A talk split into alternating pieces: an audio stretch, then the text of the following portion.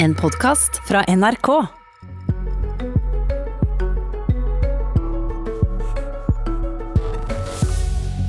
«800 000 elever er klare for en normal skolehverdag igjen, men lærerne, og særlig for de eldste elevene i store byer, de er redde for å bli smitta. Ja, nå bør matpakken være klar, blyanten spissa og viskelæret ligger på plass, for i dag begynner endelig skolen over store deler av landet. Noen har også gitt seg sjøl hjemmelekse i sommer, og det gjorde du, Guri Melby, kunnskapsminister. For i sommer skulle du tenke over om du har lyst til å bli venstreleder, og nå har jeg tenkt å høre deg i leksa. Har du lyst til å bli venstreleder? Jeg har gjort leksa mi, men jeg håper jeg kan få forståelse for at uh, akkurat nå så har jeg hele min oppmerksomhet til skoleelevene som nå står og venter på å få lov til å begynne. Både dem som er helt ferske og som møter opp til første skoledag, at de skal føle seg trygge. At lærere, foreldre, andre ansatte og skoler opplever at vi har en trygg skole i en veldig spesiell tid. At vi greier å følge smittevernreglene, og at vi slipper å stenge skoler. Så det er akkurat det jeg har brukt all min tid på den siste tida. Jeg har bare lyst til å sitere da din eh, kollega Sveinung Rotevatn. Han var veldig glad for at eh, Abid Raja i går eh, bekrefta overfor VG det NRK meldte før helga, nemlig at Abid Raja stiller som kandidat. Da skriver Rotevatn på Twitter at han er glad fordi at de beste diskusjonene skjer i åpent lende. Er du uenig i det? Jeg er helt enig med Sveinung, men jeg håper også at vi kan få respekt for at vi alle har behov for å gjøre det her på forskjellige måter. Og når er tida inne for deg? Eh, det får dere sjøl. Og jeg tror du kommer til å få flere spørsmål i dag, men la oss, eh, la oss vende oss til det som er dagens hovedsak, da, mm. nemlig skoleåpning. Vi skal begynne med å høre på en bekymra lærer. Det er ikke noe krav om én meters eh, avstand mellom noen. Heller ikke krav om at man må vaske hender eller sånne ting. Det er milde oppfordringer, men ingen krav. Du kan komme ut fra et kopirom f.eks. Var ingen i gangen da jeg gikk inn. Når jeg kommer ut, så står det kanskje 30-60 elever. De er større enn meg. Jeg må brøyte meg vei. Mm. Og etterpå så tenker jeg jo Ble jeg smitta nå? Ja, det sa Linda Salomonsen, lærer i Oslo-skolen, da hun besøkte Nyhetsmorgen tidligere i morges. I forrige uke gikk helseministeren ut med en skikkelig reprimande til ungdom på fest. Det gjelder liv og død å holde avstanden, sa han da. I dag sier dere at énmetersregelen er fin, men den gjelder ikke i skolen. Hvordan henger dette sammen? Først vil jeg jo si at det som hun beskriver her, hun læreren, eh, det er jo ikke sånn det skal være. Det skal ikke være sånn at det er en stor sammenstimling av elever i ganger eller utafor noe rom eller noe sånt. Eh, sånn kan man ikke løse skolehverdagen. Og det er heller ikke sånn at det er milde oppfordringer om å vaske hendene eller å holde seg hjemme og den type ting. Dette er veldig klare anbefalinger, og mitt inntrykk fra i vår var jo at skolene var veldig flinke og veldig klar og tydelige på å følge opp disse reglene. Og så er det også sånn at Helt siden vi åpna skolene, så har vi sagt at det er ikke mulig å drive god undervisning og følge opp alle elever godt å ha alle elevene i skolen, samtidig som vi til enhver tid greier å overholde énmetersregelen. Men vi har også sagt at blant elever på videregående skole så skal man jo tilstrebe så langt man kan å holde avstand, og man skal så langt man kan holde seg til de gruppene man hører i, sånn at man har mulig eh, sånn at man har færrest mulig kontakter. Da. Så det er en rekke anbefalinger i de smittevernveilederne om hvordan man skal forholde seg. Det er veldig klare råd fra helsemyndighetene, og de mener at med disse rådene så greier vi å holde skolene trygge. Men det er jo et ekstremt stort ansvar her for skoleeier og da for arbeidsgiver å sørge for at vi finner gode løsninger lokalt som gjør at vi følger opp disse reglene. Og det er et stort rom også, f.eks. på videregående, til å finne løsninger som gjør at du reduserer antall elever som er på skolen samtidig. Okay. Det er ikke sånn at alle må møte opp der. Det går an å ha hjemmeundervisning, det går an å gjøre endringer på dagrytmen, sånn at ikke alle er ute samtidig, og en rekke sånne tiltak. Det er det stort rom for for skoleeier å gjøre. Så nå ligger ansvaret på skoleeier, kommunene, og ikke på regjeringen? Dette er et felles ansvar for oss alle sammen. Eh, min hovedoppgave i høst mener jeg er å greie å holde alle skolene åpne. Da er vi også nødt til å greie å holde dem trygge. Da, da, kan vi ikke ha spredning av smitte. Men den praktiske jobben er nødt til å gjøres der ute, og jeg er helt sikker på at de greier å finne gode løsninger. Steffen Handal, du er leder i Utdanningsforbundet og leder da mange av de lærerne som føler seg utrygge. Men er det i det hele tatt mulig å gjøre folk helt trygge nå i disse dagene? Nei, det tror jeg ikke. Men eh, vi må gjøre alt vi kan for å gjøre det så trygt som mulig. Og det er klart Hvis du våkner som lektor i videregående skole i Oslo og skal på jobb, og du har hørt Bent Høie i forrige uke eller når du var og liksom formane om eh, nå er det alvor og énmetersregelen, og så kommer du på skolen og opplever en planleggingsdag hvor det sitter 50 lærere sammen, tett sammen i et lite rom, eller du opplever 37 elever i et klasserom som egner seg for 30, eh, så begynner du å lure på hvordan ting henger sammen. Og eh, Guri Melby har helt rett i at anbefalingene er ganske klare. Og det er opp til fylkeskommunene og kommunene å etterleve både arbeidsgiveransvar og lokalskolemyndighet. Men det er vel også da opp til hver Men, enkelt lærer å gå inn og si det at nei, nå står dere for tett holde avstand? Ja, men hvis du er den læreren som jeg nå nettopp snakket om, så undrer du deg kanskje litt over at ikke reglene er enda klarere. Og Jeg tror at vi skal se på dette igjen, også fordi at vi har fått ny forskning.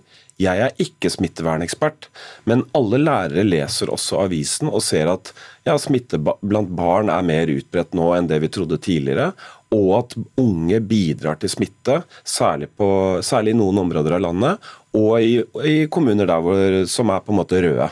Hva skal vi da gjøre? Det mm. holder ikke da med eh, anbefalinger og formaninger. Her må det kanskje tiltak og klare ord for eh, penga. Og fra i dag så gjelder også fraværsgrensa i videregående skole, Guri Melby, som betyr at eh, hvis du er for mye vekke eh, fra skolen, eller hvis du er vekke fra skolen, så får du gyldig fravær, med mindre du har en, en legeerklæring. Mm. Det er vel ikke veldig bra når du samtidig sier at eh, ungdom skal holde seg vekke hvis de snufser eller hoster? Beslutninga om at fraværsgrensa skulle gjelde som normalt, den ble jo tatt i vår, da vi var i en litt annen situasjon. Nå har vi fått en anbefaling fra Folkehelseinstituttet om at vi bør se på det her. Jeg deler jo bekymringa at elever vil ende opp med å gå på skolen selv om de hoster litt, fordi at de er redd for å få for mye fravær.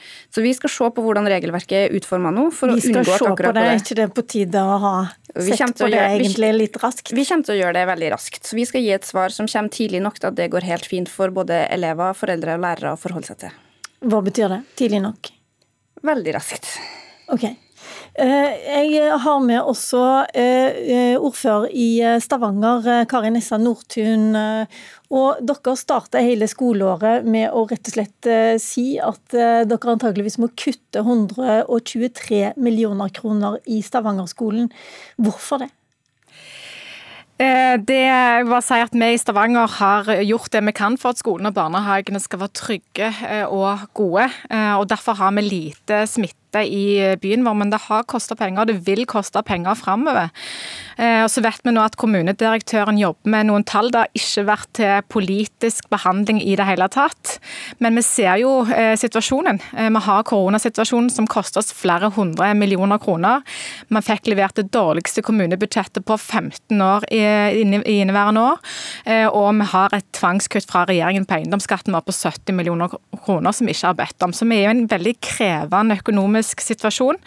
Eh, som gjør at vi må nok planlegge for kutt eh, på flere hundre millioner kroner, som foreløpig ikke ser ut til å bli finansiert av staten.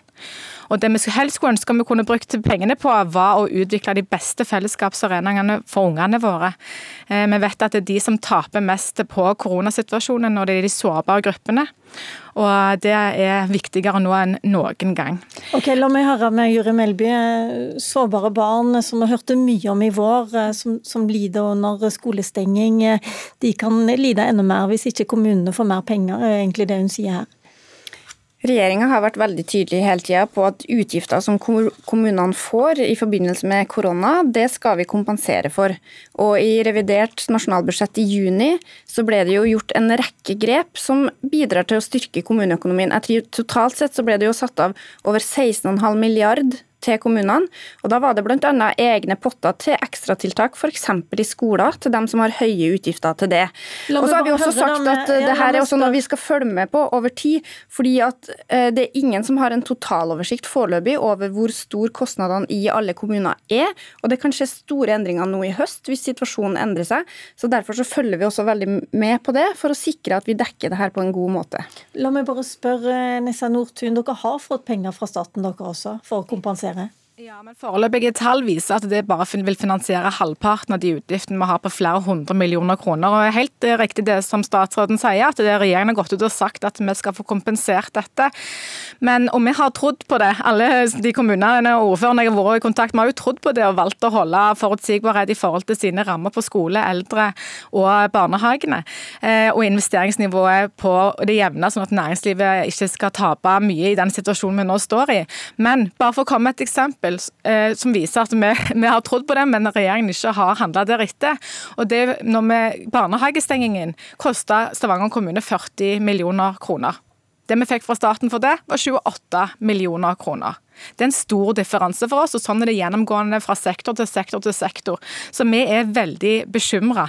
Eh, det aller meste vi driver med er barnehage, skole og eldreomsorg, og da er det ingen andre plasser for oss å hente pengene fra enn nettopp disse områdene. Men okay. her er det regjeringen som sitter med nøkkelen, og de trenger å handle, eh, og ikke bare love, og faktisk skape den forutsigbarheten som vi trenger nå, når vi går budsjetthøst i møte. La oss ha ett poeng om gangen. Melby må få svare på dette. Jeg mener det er ganske upresist det som ordføreren her sa. Eh, jeg vet ikke om Stavanger har en totaloversikt over både kostnader, men også reduserte utgifter i forbindelse med skole- og barnehagestengning. F.eks. det faktum at barnehagene var stengt i flere uker er jo også noe som har ført til kraftig reduserte kostnader. Det må det jo ha gjort. De store Så... kostnadene våre er jo knytta til lønn. Og vi har jo valgt å ikke permittere fordi vi trodde på signalene fra dere. Ja, vi har vært veldig tydelige. Vi kompenserte f.eks. det her med foreldrebetaling i både barnehage og SFO for alle kommunene. Eh, og ting som f.eks. vikarutgifter og sånt var jo noe man slapp i den perioden. Men som sagt, vi har jo hele tida sagt at vi prøver å kompensere det vi kan underveis ut ifra det vi vet. Men den store oversikten over den store regninga den har vi fortsatt ikke. Derfor så er det også et utvalg fra Kommunaldepartementet der KS er representert, som skal følge med på disse utgiftene, som skal sørge for at kommunesektoren blir kompensert. Steffen Handal. Det er flere tilfeller som Stavanger, og jeg er bekymra for to ting. Det ene er at de elevene som ble aller mest rammet av koronaen, det er de mest sårbare. Og det, er de som nå trenger ekstra støtte. Da holder det egentlig ikke å kompensere engang de utgiftene kommunen har, du må satse mer. Og vi vet at ikke utgiftene er kompensert. Da vi spurte rektorene i skolene før sommeren, så svarte 62% av dem at de ikke hadde fått kompensert utgiftene. Det andre er at vi skal i gang med et, en svær fagfornyelse. Altså Alle læreplanene i norsk skole er fornyet. Vi, vi trenger nye læremidler, vi trenger å satse, vi trenger å sette av mer ressurser til dette. I Isteden opplever vi en kommuneøkonomi som setter grenser for å nå regjeringens mål, nemlig en bedre skole, en fagfornyet skole. Så her må det satses, istedenfor å snakke om, eh, om, om midlene ble kompensert fordi man tapte. Melby. Jeg er helt enig med Steffen Handale, og nettopp derfor så var jo disse områdene det vi satsa aller mest på i revidert budsjett i juni. Vi satte av 400 millioner til sårbare barn, som kan gå til spesielle tiltak retta mot de ungene som hadde aller vanskeligst da skolene var stengt. Ja, vi har satt av store... du, du, har sikkert en rad jo, men jeg tror det er litt viktig å korrigere det bildet, for det høres ut som vi ikke har satsa noen ting, men det har vi mm. gjort akkurat på disse områdene. Vi satte av ekstra penger til læremidler, til digitale læremidler, som er noe av det der skolen opplevde et økende behov. Men hvorfor, hvorfor sier så mange kommuner at de ikke har eh, nok penger? At de har fått for lite? Lyver de, tror du?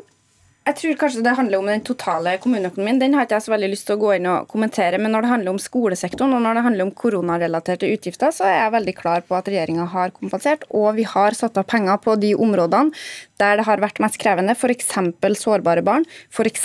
digitale læremidler. Men Melby har helt rett i det at dette handler om kommuneøkonomi i stort. og Denne regjeringen har kuttet i kommuneøkonomien over mange år, og koronaen traff derfor et, på et veldig uheldig tidspunkt. Ok, Vi skal invitere kommunalministeren til å diskutere kommuneøkonomien videre, men Karin Essan Nordtun, jeg ble jo litt bekymra når jeg hører at dere skal kutte så mye, og det antar jeg at elever og lærere blir i Stavanger også. men Kommer dette til å gå utover sikkerheten?